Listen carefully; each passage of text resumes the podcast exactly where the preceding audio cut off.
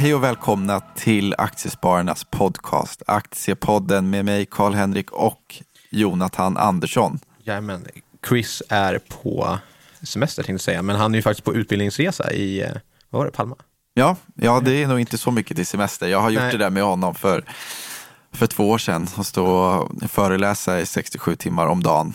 För våra kära medlemmar va? Ja, exakt. Men det verkar gå bra. Han skickar lite bilder från eh, Ja, solstolen och föreläsningssalen. Och, ser ju fantastiskt ut faktiskt. ja, faktiskt. Mot vårat gråa väder här ute. Ja, och eh, börsen är, den är inte, den är ju typ lika grå idag. Verkligen. Ner eh, lite drygt 1,5 procent idag. Det är väldigt volatilt. Verkligen. Det var väl ner typ så mycket torsdags, upp lika mycket fredags och sen så ner nu. Ja, bara- Det, Intradagsrörelsen idag när jag kollade, vi var ner först en, jag tror det var lite drygt 1,5 procent. Sen kom vi tillbaka till minus 1 procent ungefär och nu när vi går in i studion så är vi ner 1,70 nästan tror jag. Mm. Det är den 27 januari, måndag ska jag tillägga jag också. inte sagt. Eh, Det sa jag inte. Men varför är vi ner då? Coronavirus. Coronavirus känns som det är lamslår. på eh, i stora delar av världen. Helt Ja, det blir så. Ja, men nu har ju de, de har ju upptäckt fall i stora delar av världen. Det är väl, jag tror endast det är Afrika som är den kontinent som inte har bekräftats något fall, om jag eh, inte missminner mig. Men det har ju kommit både till Europa, en del fall i USA. Eh, Mm. men nu är vi sen, uppe i 85 dödsfall. precis, eh, men samtliga är i Kina, tror jag, av dödsfallen Ja, var, okej. i varje Mm. fall. Eh, och det är väl något äldre befolkning som har, som har dött, som Ja. det ofta blir med sådana här virus. Eh, Men ändå, det är klart Ja, men att det är ungefär det går 3000 ihop. smittade och inkubationstiden ska vara Ja. ungefär två veckor innan man visar symptom. Så det är ju det som är lite obehagligt. Ja, verkligen. Ehm, så att eh, jag vet att eh, man har ju försökt stoppa det här viruset nu. Man har i princip stängt ner sju städer, satt dem i karantän. Ja, det är Ehm, helt galet. Ja, så vi får, väl, eh, vi får väl se vad som händer, men man gör ju vad man kan för, inte, för att det inte ska sprida Mm. sig. Eh, vilka bolag påverkas på börsen? Främst flygbolagen har vi sett. Mm. SAS är ner 3% Lufthansa 5 eh, är Vilket ju är ganska typiskt vid sådana här typer av fall. Jag minns för ebola exempelvis var ju, kunde man ju se samma rörelse på börsen. Mm. Eh, och då är frågan om det här bara är en eh, kortsiktig dipp. Jag menar börsen har ju gått fantastiskt. Det kanske blir ett läge för folk att bara låsa in lite vinst och frågan är om det, hur pass stor påverkan det kan få. Ja, men verkligen. Men det, det känns ju å andra sidan, som senaste om man kollar en vecka bak, som vi har tappat tappat lite sentiment och vi börjar liksom se en något, liksom, i alla fall svagare köpsida på, på, på många sätt kan jag känna. Det är, känns inte riktigt lika håsigt, så det kanske är välbefogat med om vi skulle liksom falla en, en 5 pro, pro, procent kanske. Det kanske bara är li, lite hälsosamt med en mindre rekyl, som man då får, får säga. Men eh, det har ju historiskt sett varit bra köpläge då, måste man ändå säga. Ja, exakt. Och det är ju frågan återigen. Kina, världens tillväxtmotor. Det är såklart inte bra om eh, den ekonomiska aktiviteten hackar upp där. Eh, Jag kommer ihåg att eh, när du hade det här sars-viruset, det var väl, det måste vara 15 år sedan, så fick det en rejäl smäll på, på, på inhemsk konsumtion. Och den har ju nu tickat upp senaste månaden, vilket då har varit ett av argumenten till att vi ser ekonomisk återhämtning globalt och man vågar vara lite mer positiv. Det är ju för att Kinesisk bilförsäljning har kommit tillbaka, den var jättesvag, nu börjar man se lite bättre där och detaljhandeln lika så. Och ad- addera på eh, fas 1-avtalet som signades. Exakt. Och, um, ja. men absolut. Så det har varit många positiva grejer Ja. och jag menar, kineserna har gjort vad de kan, stimulansväg. Ja, det. Eh, så det här kommer ju bli en, eh, en hiccup, som man säger. Ja. Eh, men det är frågan hur långvarig den blir. Oavsett så kan vi konstatera att eh, tittar vi historiskt Precis, på så brukar sådana liknande virus i alla Ja. fall hålla i sig längre än vad man tror. Så man kanske inte ska vara allt för snabb på köpknappen nu. Det har gått några dagar. Eh, senaste sådana här epidemier, då har det ändå kunnat vara stökigt liksom ett, ett par månader i alla fall. Och då är det stökigt menar du, på både börsen men också liksom media och, och liknande. Ja, ja, Man har, har känt en Ja. inre o- oro. Så. Ja, exakt. Men har du inte lite ganska eh, rätt spännande statistik ändå på hur, hur börsen har gått? Ja, vi har ju lite roliga siffror på det här, eh, eller roliga och roliga, men Ja. hur, hur eh, världsindex tenderar att röra sig när vi får sådana här epidemier. Ja. Och man kan väl säga att det egentligen verkar inte ha speciellt stor korrelation med börsen. Möjligtvis på kort sikt, första veckorna, men om man tittar tre månader efter epidemiutbrott, sex månader efter, så, eh, så är börsen faktiskt upp i de flesta fall. Så att man ska väl inte bli skitskraj helt enkelt. Och vad är slutsatsen då? trycker du på köpknappen eller inväntar du? Eller vad är din magkänsla? Men jag hade nog fiskat lite. Kanske mm. SAS har gått från 20 till 14 spänn. Ja, kanske lite intressant. Ehm, jag tycker ändå Fundamenta ser ändå hyfsat intressant ut där. Ehm, så det skulle kunna vara en, en sån grej. Men jag hade nog varit försiktig för jag tror att man inte ska, ska underskatta det här som du pratade om. Det kanske hänger 5-10% ner korten. En, en ursäkt att ta hem lite, lite vinst här för vissa kanske. Också, Ja, men jag tror liksom, det. På något sätt. Ja, absolut. sen har vi en rapportperiod som har dragit igång. Just det. Ehm, apropå då Kina. Ehm, Kina är en del av Sandvik. Just det. Som är ganska, det är en ganska viktig marknad för dem. Eh, nu hade de sett lite bättre momentum i kinesisk ekonomi som vi pratade om tidigare. Får vi se vad det här innebär. Eh, annars den rapporten, vad, vad är din spontana reaktion? Det blir på något sätt en eh, riktkar för, för, för verkstadssektorn. Ja, men precis. Men jag, jag tyckte den var ganska, ganska svårbedömd. Och det är väl om man kollade på, på aktierörelsen un, under dagen så var det ju ganska svårt. Marknaden hade ju svårt att, att göra en riktig bedömning av hur, hur det faktiskt såg, såg ut. Men det var väl eh, liksom det, det, det, positiva i, i Kråksången var ju ändå eh, gruvsidan, va? om jag inte mi- missminner mig yes. helt. Det var betydligt bättre mar- marginaler än vad marknaden och det har man ju pratat om i många andra bolag att liksom gruv, gruvsektorn ser ju fortsatt intressant och stark ut. Eh, Och det gör den ju också för att det finns ett, det finns ett underliggande väldigt Ja, stort eh, investeringsbehov i den Mm. sektorn. Ja, men det- Sen är det väldigt cykliskt då, eh, såklart. Men. Mm. det finns ändå ett underliggande starkt behov av att, av att eh, köpa Men- nya maskiner och så här. Precis, men om man, liksom, om man bryter ner och kollar på till tillväxt eh, på både lö- lönsamhet och omsättning, Mm. så liksom, om man valutajusterar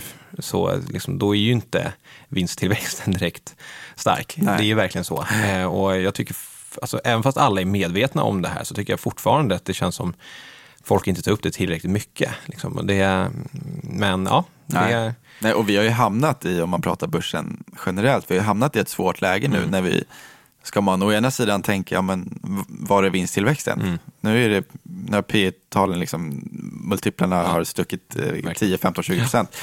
Då vill vi se lite vinster. Eh, eller, så då är frågan, ska man bli besviken på det här? Eller ska man tänka att, nej men alltså nu... Jag har en svag krona. Ja, men, ja. jag menar, och nu har vi dessutom kanske lågräntor ännu längre än Mm. Ja, vad vi absolut. trodde förut. Fed stimulerar mer än någonsin, eller inte mer än någonsin, men väldigt mycket nu om man Ja, ser absolut, tillbaka absolut. eh, ett par månader. Och eh, flera centralbanker lika så. Ska, vi, ska då riskpremiera, ska aktier värderas högre? Det kanske inte, det det kan man kanske ju- inte är liksom jämförbart att titta x antal år tillbaka Nej, och säga abs- att absolut. i absoluta tal så är, handlas Sandvik till en premie på 20 procent. Mm. Ja, Men men det, det kanske är helt orelevant. Eh, Nej, men det håller jag med om. och där står ju börsen nu överlag. ja, hur, hur ska man tänka rent värderingsmässigt om vi då ska tänka att eh, pengar är fortsatt billigt? Mm. Ja, men det är ju klart att det för, förtjänas en, en eh, hög värdering. Det kan man väl ändå komma, komma fram till. Men, ehm, mm, vad, Nej, men vad var din eh, känsla? Sandvik eller vill du hoppa in på Bonava också som vi har, med? Ja, just det. Bonava tog vi med. Nej, men, Ja. men eh, Sandvik kort, som du sa. eh, Lönsamheten bra, men eh, orderingången var svagare än väntat. Eh, Man ville ju gärna se lite där och den så kallade kortcykliska delen var ju den som var lite sämre. Eh, och då återigen, man ska titta på olika ekonomiska indikatorer. De har ju ändå vänt upp. Man kanske gärna hade velat sett att det vänt upp på Sandvik också. Att de kunde bekräfta att vi ser lite bättre fart. Å andra sidan så är det svårt att avgöra hur stort lagget är. Eh, Många av de här framåtblickande indikatorerna brukar ju ligga för kanske 6-9 månader före, så att det är möjligt att Sandvik inte har eh, sett det här riktigt än. Nej, eh, å andra sidan, orderingången borde ändå varit positiv, kan man Jag ju tycka. Eh, så att, ja, men jag håller med, lite svårtolkad rapport och med tanke på hur, hur otroligt starkt som den och hela sektorn, hela börsen har gått, Ja. så var det väl upplagt kanske för lite, för lite sämre.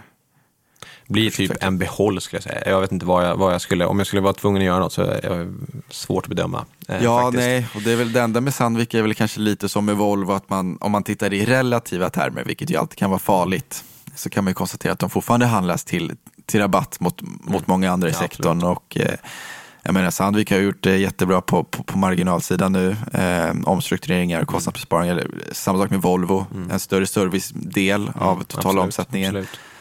Frågan är, krävs det att vi får en konjunkturnedgång för att man då ska se på riktigt Mm. att okej, men vinsten den går inte som en jojo i de här bolagen som det gjorde förut. Och då kanske den här multipelexpansionen kan komma. Ja. Eh, mycket Så möjligt. det är väl bara ett, ett take på Ja. just eh, ett sånt bolag som Sandvik och, och Kanske även en, eh, en viss eh, Rosengren-effekt också, Ja. som är på väg bort här. Han ska till eh, ABB va? Precis. Mm, Eh, För mig, om jag inte, det här vågar jag inte lova, men jag tror att det är fe, februari, så det är väldigt, väldigt snart i så fall. Mm. Eh, Kan det vara en liten sån effekt också?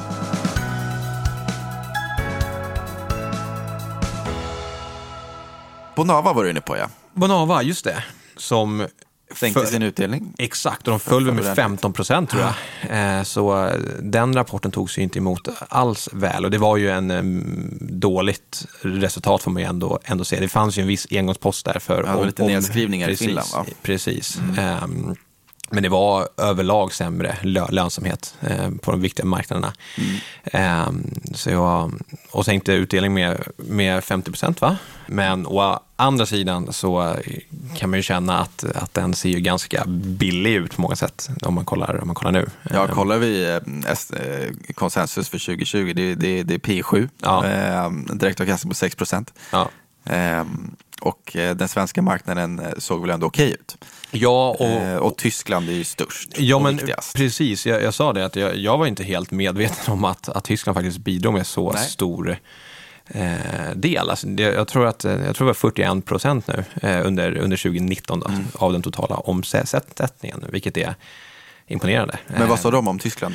Nej, men och det? det som också, alltså, vi har ju pratat en del om det och hela världen vet ju att det har, den tyska ekonomin har ju varit väldigt pressad. Ehm, och, men det är ju mest fordonsdrivet. Ja, och det är en Eh, väldigt stor och viktig och del det är av tysk precis, ekonomi. eh, men att, att både konsumtionen och de, de privata investeringarna i bo, bostäder i de viktiga marknaderna där urbanisering liksom driver till, Mm. till tillväxten såg fortsatt eh, stark ut, eh, sa Bonavas vd. Då. Och det rimmar och väl det- med just eh, Precis, låga räntor och att eh, Exakt. centralbanken så det blir väl, ja, exakt. Eh, Det är ju så. Och, um, så den marknaden tycker jag ser fortsatt intressant ut när man, om man kollar från den aspekten. Liksom. Mm. Och, uh, Och tyskarna generellt har ju höga sparkvoter. eh, Absolut. Som är ju mer stödtåliga, även, även, även hushållen. ja, absolut. Eh, och, och kan konsumera. Och, och. Precis.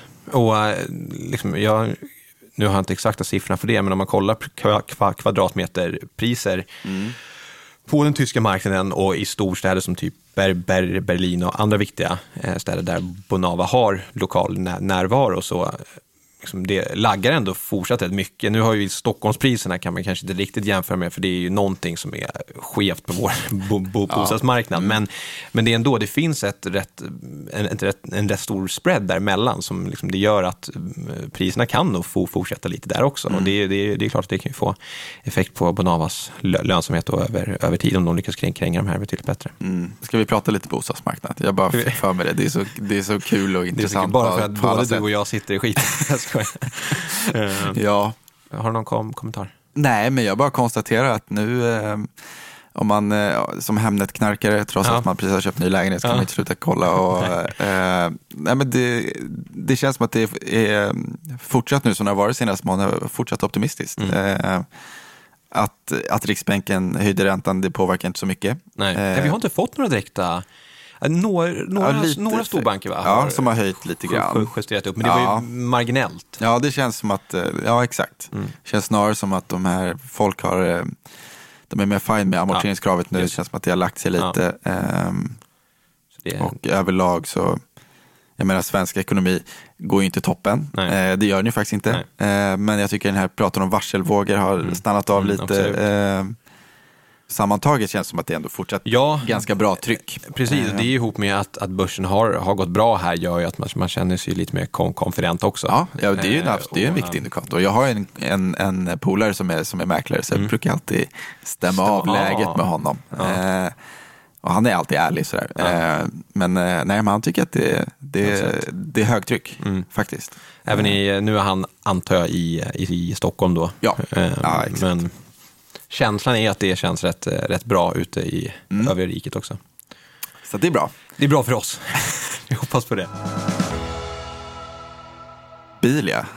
Just det, Eh, omvänd vinstvarning. Jag måste ja. bara säga en kul grej där. Att jag kan inte supermycket om, om Bilia heller, men noterbart var bara att Mats Kviberg köpte typ så här två och en halv vecka innan den här omvända vin, vinstvarningen. Ah, magkänsla. Köp, köpte han eh, exakt. Det var lite kul. Eh, men Bilia, ja vad ska vad ska man säga, det var det var väldigt, väldigt starkt måste jag säga. Eh, lönsamhet var, var bra, rörelseresultatet var oerhört starkt. Eh, och de pratar också gott om deras övriga marknad mm. och inte endast Sverige. Bra, bra köp, köptryck eftermarknaden ser, ser fortsatt god, god ut med bättre lönsamhet. Och ja, sen har generellt. serviceaffärer. Ja, precis. Det är, det är den som är den mest intressanta på många sätt kan man ju ty tycka om man inte bara vill kränga bilar. Ehm, för men... den har ju rört sig ganska mycket. För den har ju gått starkt och sen får du lite ja. oro för um, stora lager. Ja, ehm, svårt med bilar, men det verkar inte vara så alarmerande och nu är faktiskt aktien tillbaka från eh, eh tidigare nivåer om vi tittar tillbaka tre år. Mm. Viktigt för Kviberg och Öresund. Ja, det är nog skönt. Ja, Absolut. Verkligen. Så nu är den är tillbaka på gamla, nästan på gamla all time high. Sitter jag och tittar här. Ja, kul för dem. Har vi något mer att säga? Vad händer på Analysguiden? Ja, men det är mycket som händer, det måste jag ändå säga. Men mm. senaste mm. bolagsanalysen som jag ändå skulle tipsa om att gå in och läsa är faktiskt på en industrikoncern som heter Infria. Okay. Vet du vilka det är? Nej. Ingen koll alls? Nej. Nej. En, en jämförbar peer på många sätt. Det är, det, det är svårt, de har inte en riktigt tydlig peer på så sätt, men in, Instalco, eh, Stibtech och ja, ja. liknande. Som, okay. Ett bolag som är uppdelat i två affärsområden mm. med eh, mark och anläggning, om man tänker ren infrastruktur, och även vatten och avlopp. Mm. Eh, men, och jag kollar lite på det här bolaget och har skrivit en analys som tycker att det är väldigt intressant på många sätt. Det, de har haft ett 2019 som har präglats ganska mycket av, nu har de ju bara släppt eh, deras Q, Q3, det är de siffrorna som jag har kunnat gått på. Mm. De har haft ett 2019 som har präglats av lönsamhetsutmaningar för det ena affärsområdet, då, vatten och avlopp. Ehm, och det har verkligen dragit ner eh, rörelsemarginalen något fruktansvärt. De har eh, gått med förlust. Men det positiva här är att man eh, har gjort tre betydande för, förvärv i, inom mark och anläggning, då, som är det andra affärsområdet, vilket bidrar till en, en oerhört stark tillväxt. Ehm, och det kommer för 2020 stå för ungefär 70 procent av omsättningen, men jag beräknar att det kommer stå för ungefär 90-92 procent av av rörelseresultatet. Och det här affärsområdet är ett affärsområde med relativt hög lönsamhet och bra tillväxt. Och det gör faktiskt att, att jag beräknar att de kommer gå med ett, ett, ett bra resultat nästa år. Jag tror de kommer göra ett rörelseresultat på ungefär lite drygt 60 mil, mil, miljoner kronor. Mm. Och då handlas aktien i relation till sina peers väldigt, väldigt billigt. Vi kan få det här för EV, ebit runt 10, eh, P tal runt 10 också har en nettoskuld. Men ehm, lite. Lite. Ja. Den är, det finns helt klart förvärvsutrymme mm. i balansräkningar mm. för att fortsätta den här starka tillväxten. Mm. Man har som finansiellt mål att göra tre, fyra förvärv eh, varje år. Självklart svårt att prognostisera när man inte vet hur, hur det ser ut, men jag eh, kom fram till att eh, det här är en aktie som ser väldigt intressant ut med tanke på att Instalco, Stibtech och de här har gått oerhört bra under 2019 så har Infria haft ett ehm, det finns utrymme kvar, bedömer jag i alla fall. Och det är som många av de här småbolagen underanalyserat, relativt få ägare på Avanza och eh, så. Ehm, och har ett marknadsvärde runt 400 mil, miljoner kronor, så det är ju ett småbolag. Eh, men det gör också att det finns, eh, finns potential att växa, mm. tror jag. Och jag kommer fram till ett motiver motiverat värde runt 32-33 spänn. Aktien stod då när jag skrev den här i 25 och nu har den pendlat mellan 26 och 28, 28 kronor. Eh, så om man får bukt med lönsamheten och visar den tillväxt som jag bedömer att de kommer göra, både i kvartal 4 här för 2019 då, men även in i 2020-2021, så är det här helt klart ett, eh, ett case värt att kolla på. Man har en eh, rabatt på nästan 40 procent mot sina peers, så jag tycker att det är lite väl mycket. Ja. Infria, läsa mer på analysguiden.se. Ja. Tycker man ska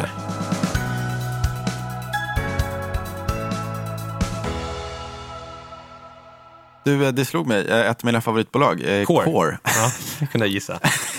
men det är ett fantastiskt Nej, jag bolag. Jag, jag, jag, jag pratat ja, lite om dem. Ja.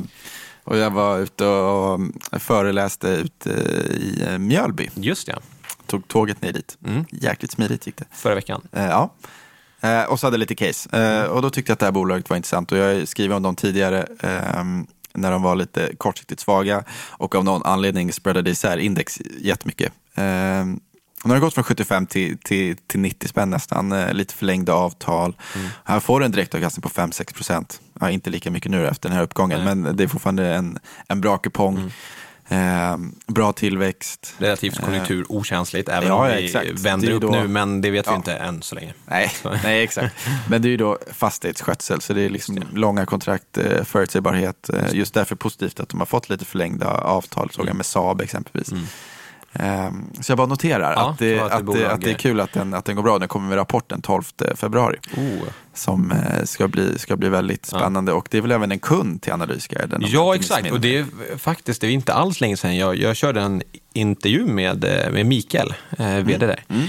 Och, eh, nej, men han, Verkar väldigt duktig. Han verkar fantastiskt duktig. Alltså, jag blev eh, nästan sugen på att köpa aktien bara efter att ha träffat och pratat med ho- honom. Ja. Liksom, han, han ger ett, eh, nej, men ett bra intryck, alltså, det måste jag säga. Mm. Och just det här med att integrera, de har ju också då väldigt mycket förvärv i Precis. den underliggande marknaden växer kanske 3-4 procent. Ja. Eh, Men, men här får du ju ett bolag som har lyckats växa betydligt mer Mm. och det är ju just eh, främst tack vare förvärv och även kunna göra det med, med en hyfsat bibehållen lönsamhet. Ja, precis. Det är det som är, och de känns väldigt stru- strukturerade när de gör deras förvärv. Liksom verkligen, de har verkligen utgått från, från Sverige, Nord, Norden och liksom arbetat sig sakta eh, säkert ut. Men de har ett tydligt fokus och det känns som att de eh, håller sig till det och de har verkligen lyckats realisera eh, många av deras in- investeringar.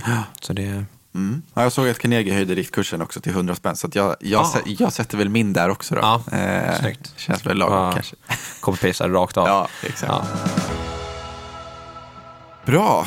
Fick vi med lite eh, halv två köpcase, eller vad man ska säga också. Ja, det tycker jag. Eller fler kanske. Ja. Jättekul. Ja. Men är du, eh, vi sätter oss vid skrivbordet igen. Det gör vi. Eh, tidningsproduktion börjar Exakt. igen. Igen. Det kom ut en ny tidning för inte så länge sedan, bara för några dagar sedan. Förra, precis, förra veckan.